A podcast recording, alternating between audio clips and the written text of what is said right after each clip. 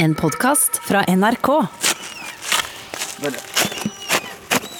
Da verdens mest kjente terrorist Osama bin Laden ble drept, så ble han dumpa i havet så ingen skulle ha ei grav å gå til. Da historias mektigste mann, Djengis Khan, døde, så skal alle i gravferda ha blitt avretta for å unngå gravplyndring.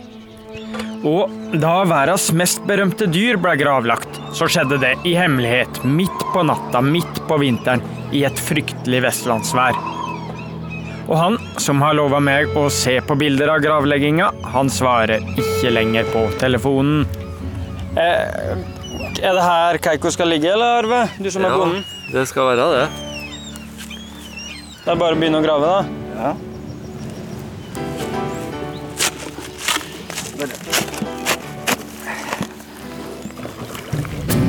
We are following Keiko's journeys home from the bright lights of Hollywood to the cold waters of the Interessen er enorm over hele kloden.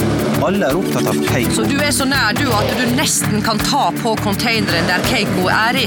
En avdanket filmstjerne på fire tonn har satt fart i den fraflyttingstruede bygda Halsa på Nordmøre. For rundt og for opp med oss hele tida, nesten. Han er intet kjæledyr. Keiko, the killer whale made famous by the Free Willy movies, has died at the age of 27. Gåten Keiko er en gravedokumentarserie fra NRK P3.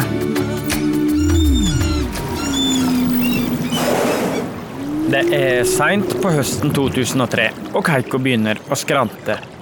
Hva gjør en da, når en spekkhogger på seks tonn begynner å bli sjuk, og det største dyret du har behandla, er ei ku? Egentlig ingenting.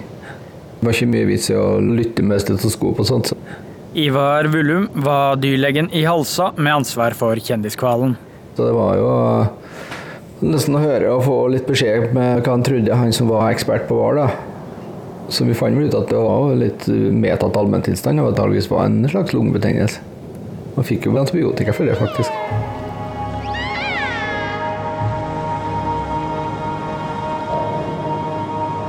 Et Excel-ark.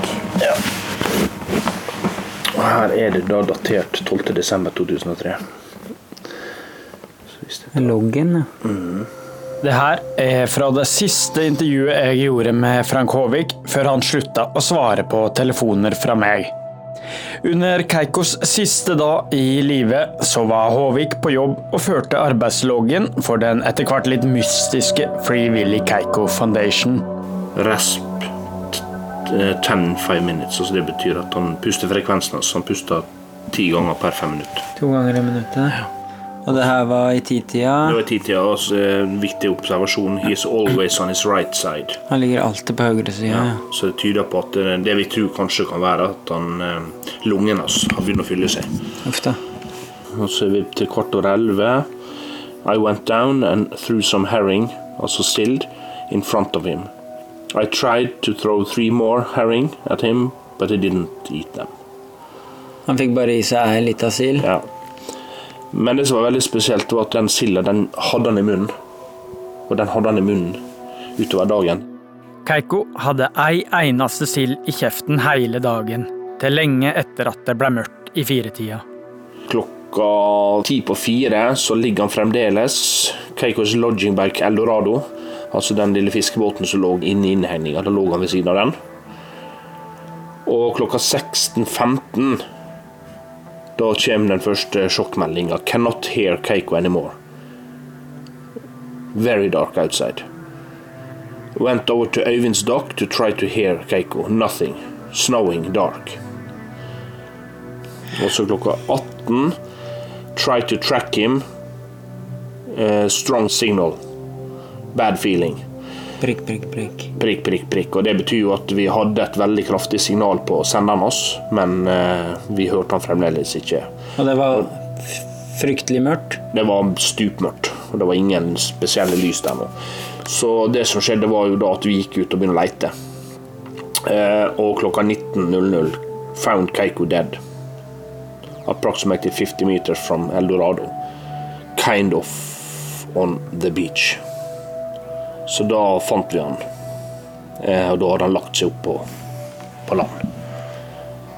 halvannet år etter at han ble satt fri på Island, så velta Keiko seg opp på den vesle stranda i bukta og døde. This is CNN.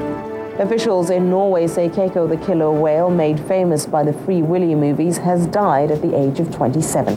Han blei 27 år gammel, akkurat som Jimmy Henriks, Janis Joplin, Jim Morrison, Kurt Cobain og Amy Winehouse. Dødsårsaken var trolig lungebetennelse, en vanlig årsak for hvaler som har oppholdt seg i luft mer enn i vann. Vanlig dødsalder for ville spekkhoggere er 30-50 år, men Keiko er den som har levd lengst av de fanga spekkhoggerne. Klart det var trist på lik linje å miste en hund eller en katt, eller, og det der nå, men det er klart det, denne her hadde betydd så mye for oss over så lang tid. En hund er noe du har rundt deg, og du på en måte legger den igjen når du reiser på jobb og når du går tur med den på kvelden. og så, sånn og sånn. Men dette her er jo et dyr som har på en måte prega livet vårt i nesten to år. I hvert fall for min del. da.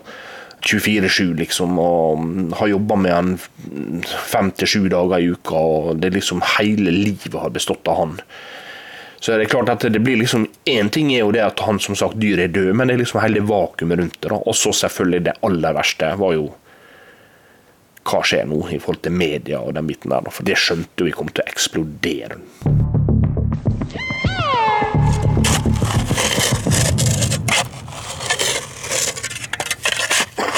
Ja.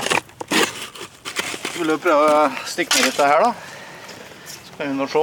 Tror det kommer seg så langt ned, det. Jeg vet ikke. Ja, bare ta med spaden og Grunnen til at vi nå står og spar på grava til Keiko, er en telefon jeg tok til en av Norges fremste eksperter på jord og jordprøver, jordprofessor Tore Krokstad ved Ås. Ja, så Hvis det er noe som er begravd der, så vil jo jeg tro at du skulle kunne finne rester av det.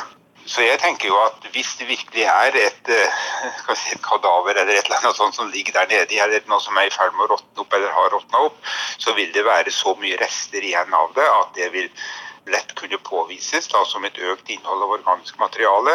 Og det vil være både nitrogenrikt og ja, inneholder mye andre næringsstoffer også. da. Den ligger jo maks en halvmeter, en meter fra vannkanten på det nærmeste. Og da vil det være sjanse for at det ikke nødvendigvis har råtna så mye opp heller, altså slik at det er mye igjen Mm. av, av det som er begravd der. Og da, da er det jo enda lettere også påvise det.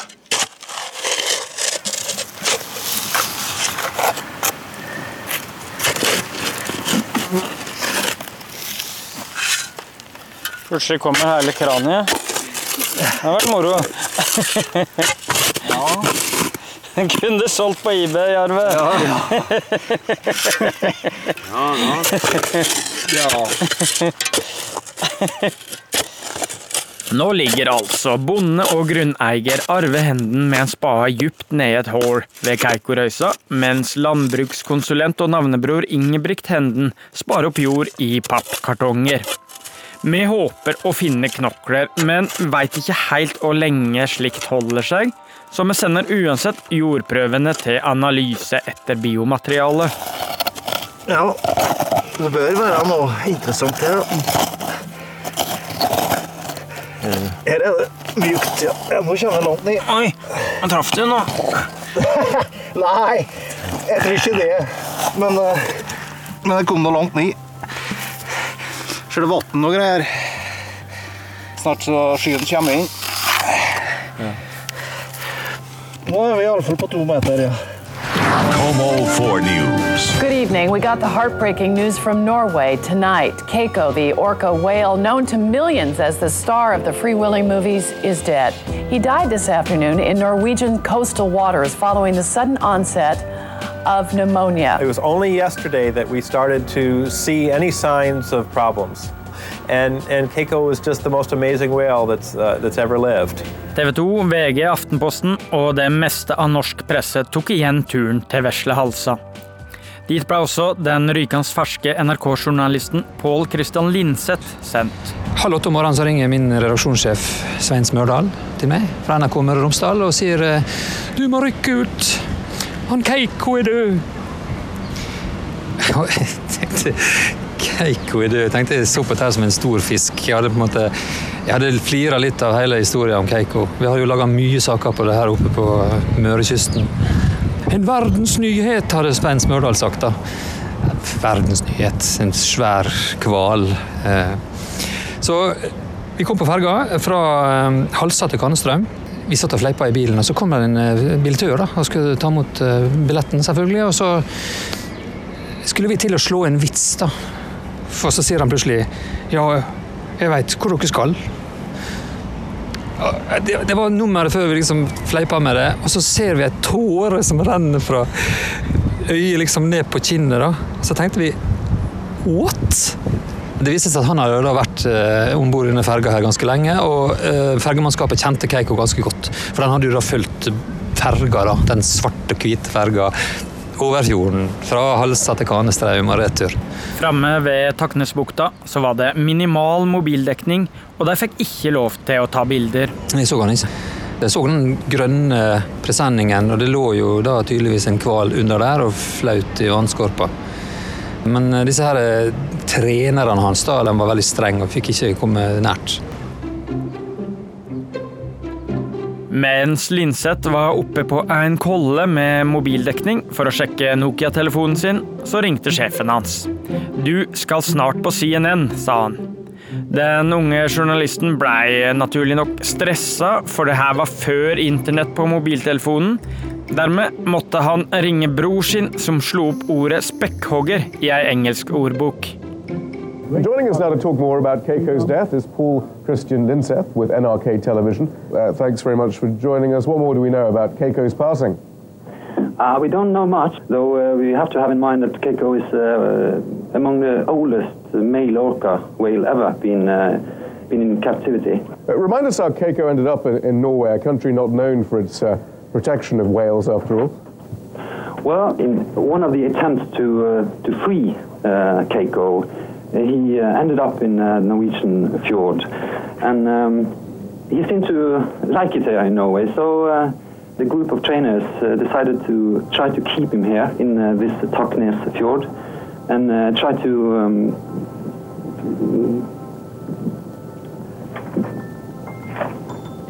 Have we lost Paul? Hello? Are you still there? Yeah, we Yes, I'm still there. Poor line, I can hear you. Også for Keiko-stiftelsens Frank Håvik så var det kaotisk. Vi våkna jo opp til fullstendig kaos. Eller vi våkna ikke, vi hadde jo ikke sovet den natta, men vi i hvert fall dagen lysna til det at det var kaos. Det var samme helga som de tok eh, Saddam Hussein. Ladies and gentlemen, we got him. Saddam Hussein was captured Saturday, December 13th at about 8:30 p.m. local in a cellar Så det var liksom sånn eh, breaking news på CNN. Det var det har tatt Saddam Hussein, og Keiko var død. 15 15 år seinere så har to menn gravd et nokså djupt hull i den samme vesle vika på Nordvestlandet. Da er vi på 1,5 til 2 meter, da. Ja, prøver vi kan si. Nå kommer de amerikanerne. Nå rykker de ut. Når de setter oss på satellitten, bildene sine.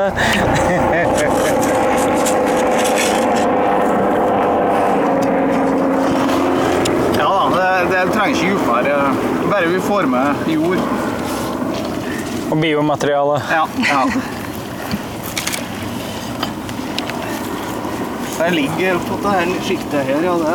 Det. er også faktisk litt merk òg her. Så det var litt spesielt. Mark langt ned. Nei, mark um, Mørkere form. Ja, ja, ja. ja. Men jeg vet Det var svart, ja. ja. Men det kan være noe som datt ned, da. Så jeg skal ikke si noe. Kan være verdens mest kjente dyr òg. Ja.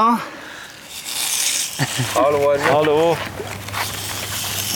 Ja, fant dere det dere lette etter, da? Nei, vi Ah. fant tok noen prøver iallfall. Riktig, ja. Fant ikke noe knokler. Nei. Det er jo for djupt. Vi fant ingen knokler, men sender jorda inn til analyse etter biomateriale.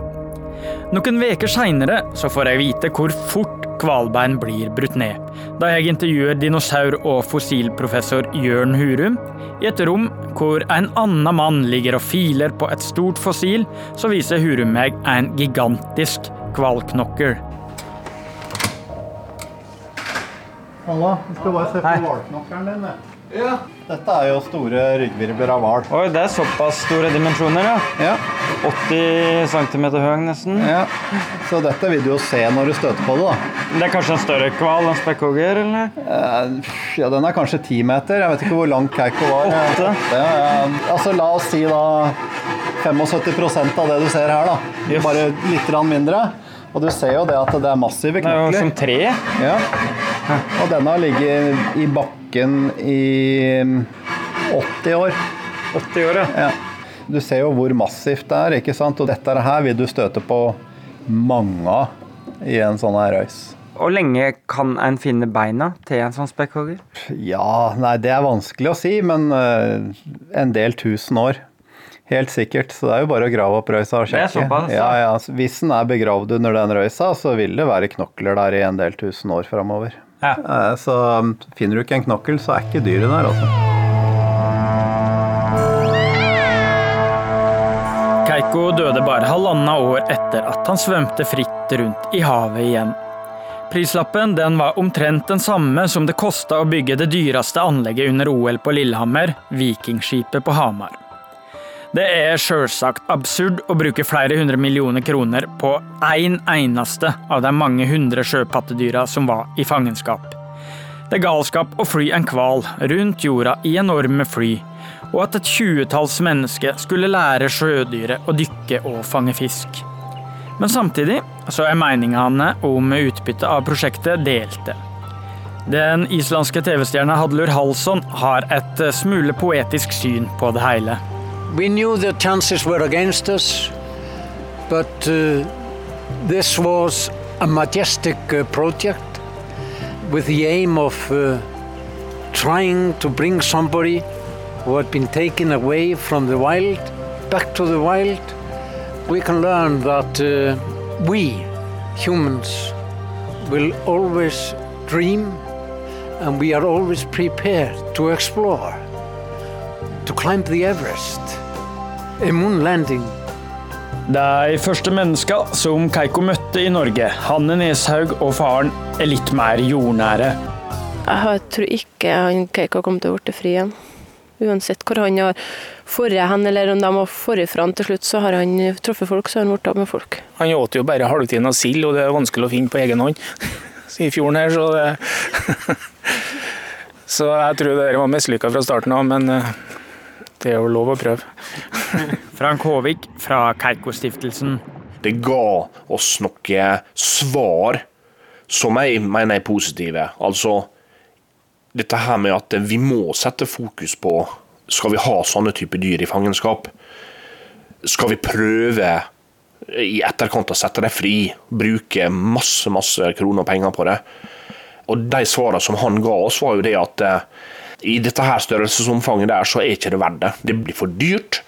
Det blir for komplekst. Så jeg tror det positive i det, selv om at det kan virke negativt, er det at eh, vi må tenke konsekvenser. Tar vi dyr i fangenskap, så må vi også vite at når vi først har gjort det, så er det antageligvis ingen vei tilbake igjen.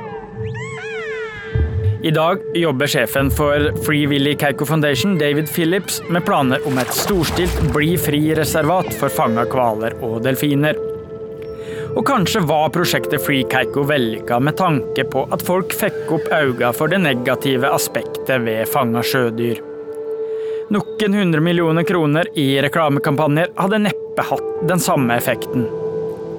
I forfjor så forbød Keikos gamle heimland Mexico å ha fanga delfiner og hvaler. Og TripAdvisor har nå slutta å selge billetter til sjødyrshow. I dag så er det 56 fanga spekkhoggere rundt i verden. Og de fleste er født i akvariene og ikke fanga opp fra mora si. Arten, som ikke har andre naturlige fiender enn mennesket, har likevel alvorlige problemer, forteller spekkhoggerforsker Audun Rikardsen. Det som imidlertid er den største trusselen nå, er mennesker indirekte i form av miljøgifter. Verdens mest forurensa dyr, har du kalt de. Ja. Altså, isbjørn har jo vært brukt som et eksempel på at vi får mye miljøgifter, men spekkhoggen har mange mange ganger høyere miljøgifter. Enkelte dyr. Miljøgifter som PCB kan utrydde hele bestander av spekkhoggere. Og det er sånn at Rundt om i verden så regner man med at mange av de bestandene vil være utrydda i løpet av en sånn 50, iallfall 100-årsperiode. Du sier at de kan dø ut i løpet av Ja. 50-60 år? Ja, for den, den måten de her miljøgiftene eh, funker på, det er at de går ofte til jern på dyret, og de gjør de ofte infertile, altså at de er ikke befruktningsdyktige. Sånn at de, de fører færre unger. På hele kloda så står i dag én million arter i fare for å bli utrydda, og siden 1970 så har antallet ville dyr i verden blitt halvert.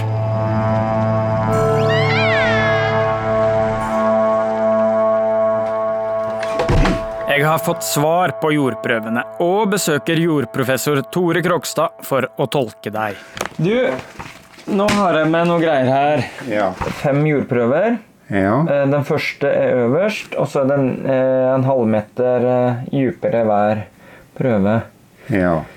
Skal vi se organisk innhold, da. Hvordan er det? Um, 0,9 og 1,2. Men det, det her er veldig lågt. Så, så du kan si at det, det glødetapstallene her, det tyder på at det nesten ikke er noe organisk materiale til stede i de prøvene. Det er veldig, alt er veldig lågt. Låge tall når du kommer litt ned i jorda.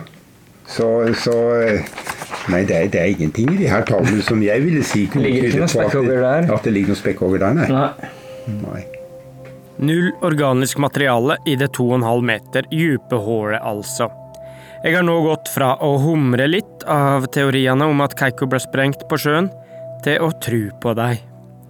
Samtidig så har jeg ei god dose tvil i meg. Gravde vi virkelig på den helt rette plassen? Keiko, ei søt og svart, litt trivelig liten fyr. Keiko. Keiko. Så trist, så trist, så trist. Keiko. De har gravlagt den her, Ja, de har gravlagt den, Mm, på land. litt- Og dere foundation, vet du, dere Keiko-folket som følger den overalt, som enkelte mener er litt Keiko, Keiko oppi Ja. hodet, de eh, var veldig opptatt av at pressa og media ikke skulle uh, komme og ødelegge den der seansen, da. Så det var i nattens mulm. Når ingen trodde de kom til å gjøre det, Mm. så gjorde de det.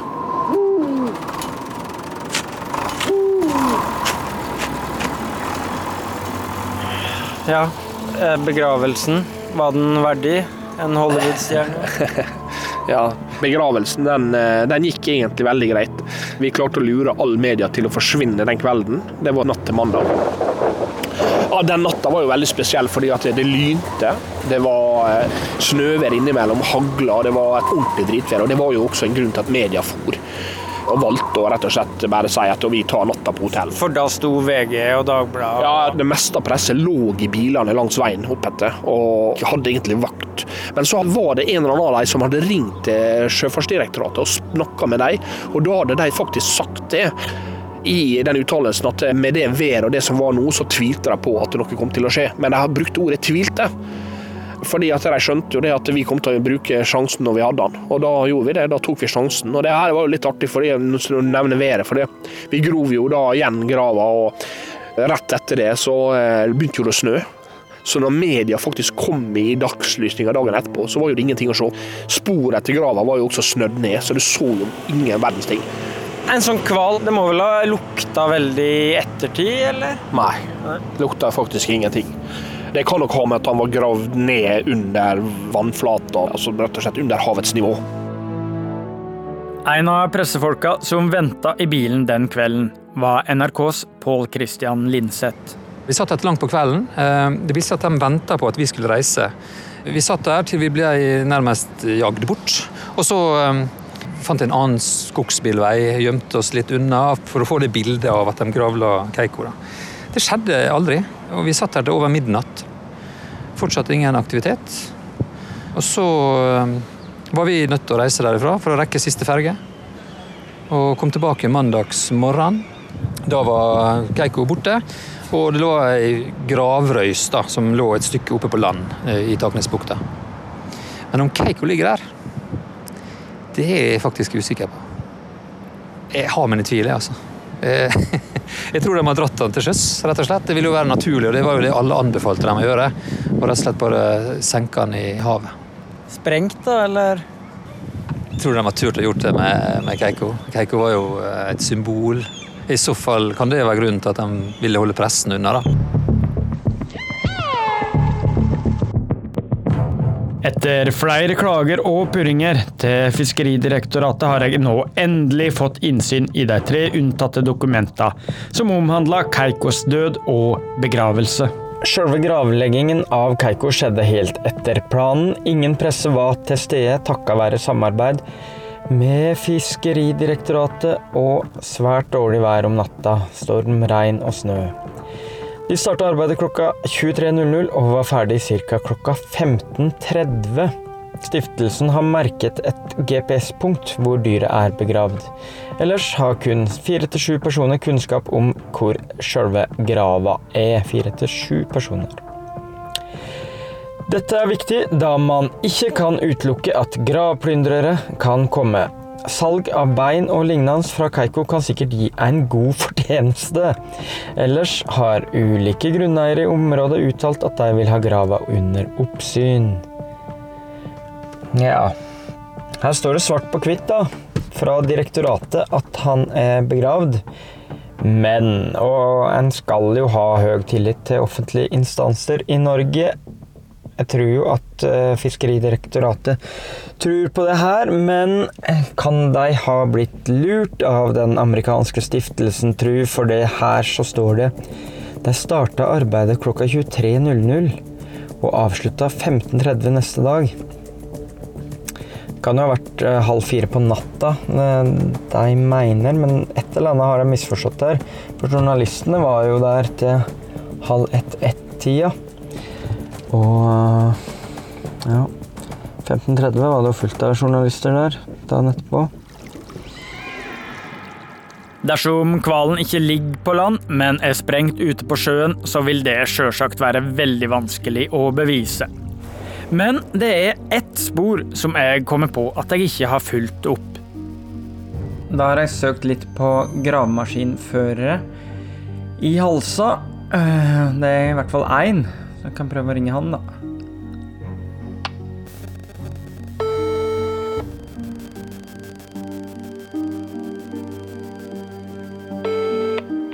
Hallo. God dag, er det Jostein Glommen? Ja. Du, god dag, det er Espeland som ringer fra NRK P3 Dokumentar. Ja. Eh, Veit du hvor mange gravemaskinførere det er i Halsa? Nei, ikke på sparsikker, men det Nei. Nei, jeg lurte på om du nok en gang hadde vært med å grave ned en spekkhogger på rundt seks tonn? Ja, det var det. Det, har du, ja. Og, og sikker er du da på om den kvalen At den kvalen ble begravd der? Ja, kvalen under begrava, det var som gjorde det, så. ja, ikke sant. Det er du helt sikker på? Ja, jeg ble sikker på det, ja. Ja. Men det skulle være så hemmelig, da, vet du. Er det fortsatt hemmelig, eller? Hvor hemmelig er det nå? 15 år etterpå? Nei, Det er ikke hemmelig. Nei. Det er noen år siden nå. Mm. Men eh, har du noen bilder eller andre ting som kunne Nei. Jeg fikk ikke med spor om det. Men det fins. Det var film, det var ikke bilde av hver bevegelse eller skjønnene. Gravemaskinføreren hevder gjennom ei svak telefonlinje at det er tatt bilder og video av hele nedgravinga. Det er stiftelsen som sitter på det? Ja. Ja. Jeg fikk ikke lov å si hva jeg har gjort en gang når jeg skulle fakturere arbeidet. Så tulle var det. Hva skrev du på fakturaen da? Hemmelig jobb? Nei, driv og arbeid her, her organisasjon, tror jeg var skrev. Div arbeid. Ja, riktig. Takk skal du ha. Hei. Hei, takk. Hei. Hmm. Han høres jo troverdig ut, han der. da. Han har jo ingen agenda. Ingenting å tjene på å ljuge om det her. Så det virker jo som stiftelsen sitter på noen hemmelige bilder. Prøve Frank Håvik, da. Igjen og igjen og igjen.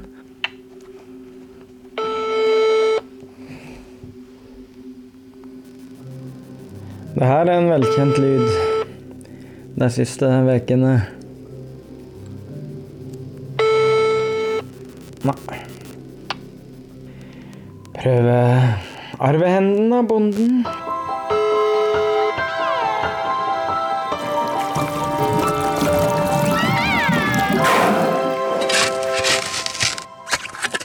Arve? Bonden, grunneieren. Hva var det du sa på telefonen når det ikke ble noe positivt svar på prøvene? Nei, vi sa at vi får nå prøve til en gang til. ja, du sa det. Du trodde kanskje ikke vi hadde vært dype nok? da? Nei, vi var sikkert ikke på rett plass, selv, kanskje. Nå har vi flytta oss noen meter bortafor. Ja. Og nå gjenåpner vi eh, etterforskninga. Ja, vi er det. Med forsiktighet. Med forsiktighet. Vi ringer gravemaskinføreren igjen. Hallo, ja. Sånn arbeid her, ja. De holder på til noen jordprøver her, eh, Keiko-greiene her, men det var det juft. Han var grovet inn, kommer av det du? Det var vel en halvannen meter, iallfall sikkert to òg? Ja, noe mer enn det er det ikke, nei. Ikke mer, nei? Det. Nei. Nei, det tror jeg ikke, nei. Det. Nei, jeg skal ha noe slags bevis. Det er så mye folk og så ikke tror han er nedgrevin, vet du. De tror ikke på oss, vet du. Nei, det er det. Greit. Ja, ha det. Noe mer enn to meter, tror du ikke det var? Nei, det tror den ikke. Maks. Vi er nå der nå med båret. Nå er fin i kvart igjen. Ja, det var en sten. Det var farlig likt en knokku. Jeg må bare beklage til deg som synes at det er respektløst å grave ved grava til en Hollywood-stjerne. Akkurat på samme måte som en tar prøver av vikingkongegraver. Det var til slutt den eneste måten jeg følte vi kunne finne et eventuelt svar på alle ryktene på. Ja, når det kommer vann der, sier jeg så det blir Og på rundt to meter så er vi nede ved havstanden.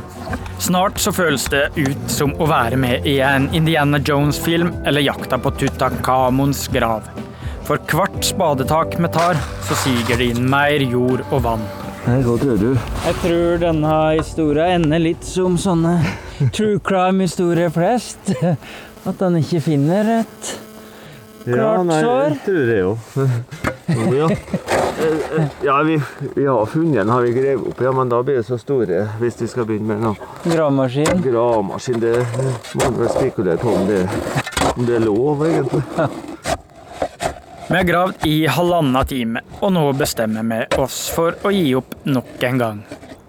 Det er kanskje like greit, for for mange så er jo det her nærmest ei hellig grav, uansett om relikviet ligger her eller ikke.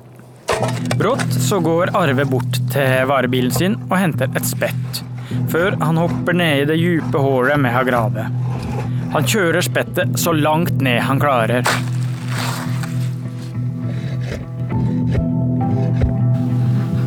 Du ei lukt her? Kom opp. Voldsomt. Det er det. Å, å fy! Du å fordervelse. Det er det det nedi, altså. Å, fy søren. Ja. Tror jeg kom opp ei lukt. Å! Var sterk òg. Ja. Ja, det altså. Og der var hardt nedi. Der var det hardt Så nå var vi nedi i. Ja. Nå får vi opp en prøve til så. Vi finner fram et isbår og skrur oss nedover. Og her har du noen greier. Hva er det kvitt der, da? Og du, hvis du ser ned der, Arve. Ja. Rett ned der, er det ikke noe kvitt der, da? Ja, det er kvitt der da. Det er vel fettet av det, sikkert. Ah! Å, fy søren, det lukta på det kvittet. Å, py! Ah, Det er ikke det sikkert fett. Ta det sjølve. Det er keikofett. Ja, det er sikkert. Helt kvitt. Men er berga dagen. Jeg kjenner det er mjukt her nå nede. Ja, mjukt nede der, ja, nå. ja, nå fer- fer det nedover. Dette, oi, langt ned! Ja, ja, nå er det. Å, og det stinker! Ja, hva faen, vi hadde gitt opp der, og så kjørte det spydet nedi. Ja, nå er i hvert fall jeg overbevist. Hva tenker du nå, Arve? Fornøyd? Ja. Jeg er fornøyd, ja. Det var mye jobbing. Nå har vi gravd i halvannen time. Ja. Er det turister som kommer opp på veien der? Ja. Keiko-turister. Keiko. Akkurat idet vi hadde dekket igjen grava. Akkurat. Har du følt på at folk i bygda òg har Ja, det er en del som ikke tror det, ja. Ja. Det, ja. ja, jeg har fått den. Vi har fått den. Da legger jeg en ekstremt illeluktende, stinkende pose inn i bilen. Heldigvis min svigerfars. Og så skal jeg eh, ta denne her til jordprøveekspertene. Det som tydelig er lukta av død, siger nå ut fra jordprøva i en tredobbelt plastlag i bagasjerommet. Så voldsom er lukta at jeg må kjøre med alle vinduene åpne i to timer hjem til Molde, og jeg blir faktisk slått av velværet, som om det er slags parfyme, da den til vanlig ikke så gode lukta av kumøkk slår inn i bilen fra en bondegård langs veien. I februar så får jeg det endelige svaret på prøvene, og de levner faktisk ingen tvil. Det var organisk materiale av spekk. Endelig så kan bonden arvehennen slippe at folk rundt omkring i Harsa tror at han har ljuget om grava til Keiko. Endelig så kan svigerfaren til kollega Remi få fred. Ryktene om Keikos falske begravelse kan nå sjøl begraves. Dersom den vesle spekkhoggeren og mora hadde svømt ei litt anna rute den novembermorgenen i 1979, så hadde nok Keiko svømt rundt i havet en plass akkurat nå. Han ville ha sluppet sult og vorter, men mista flyturer, Hollywood og folkets hyllest.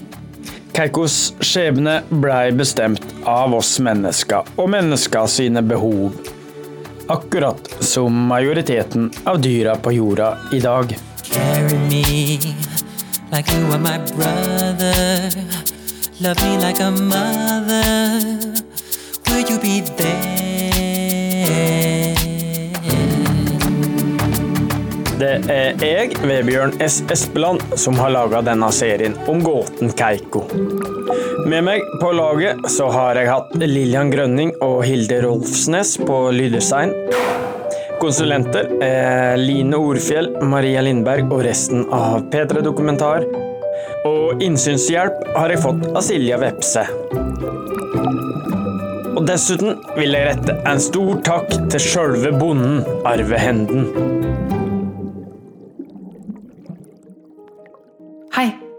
Anne Dorte i P3 Dokumentar her. Jeg har laga podkast-dokumentarserien En helt vanlig familie. For det var det de så ut som, familien til Ingvild. En vellykka og vanlig familie.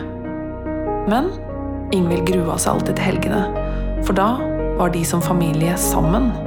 Og det ble nesten alltid ubehagelig. Var det sånn hjemme hos de andre i klassen også? At pappaen slo mammaen? Hva får en mann til å slå? Og hvorfor blir en mor i et sånt ekteskap? Nå som Ingvild er voksen, ønsker hun å konfrontere foreldrene sine med volden de aldri har snakka om. Hør En helt vanlig familie i appen NRK Radio.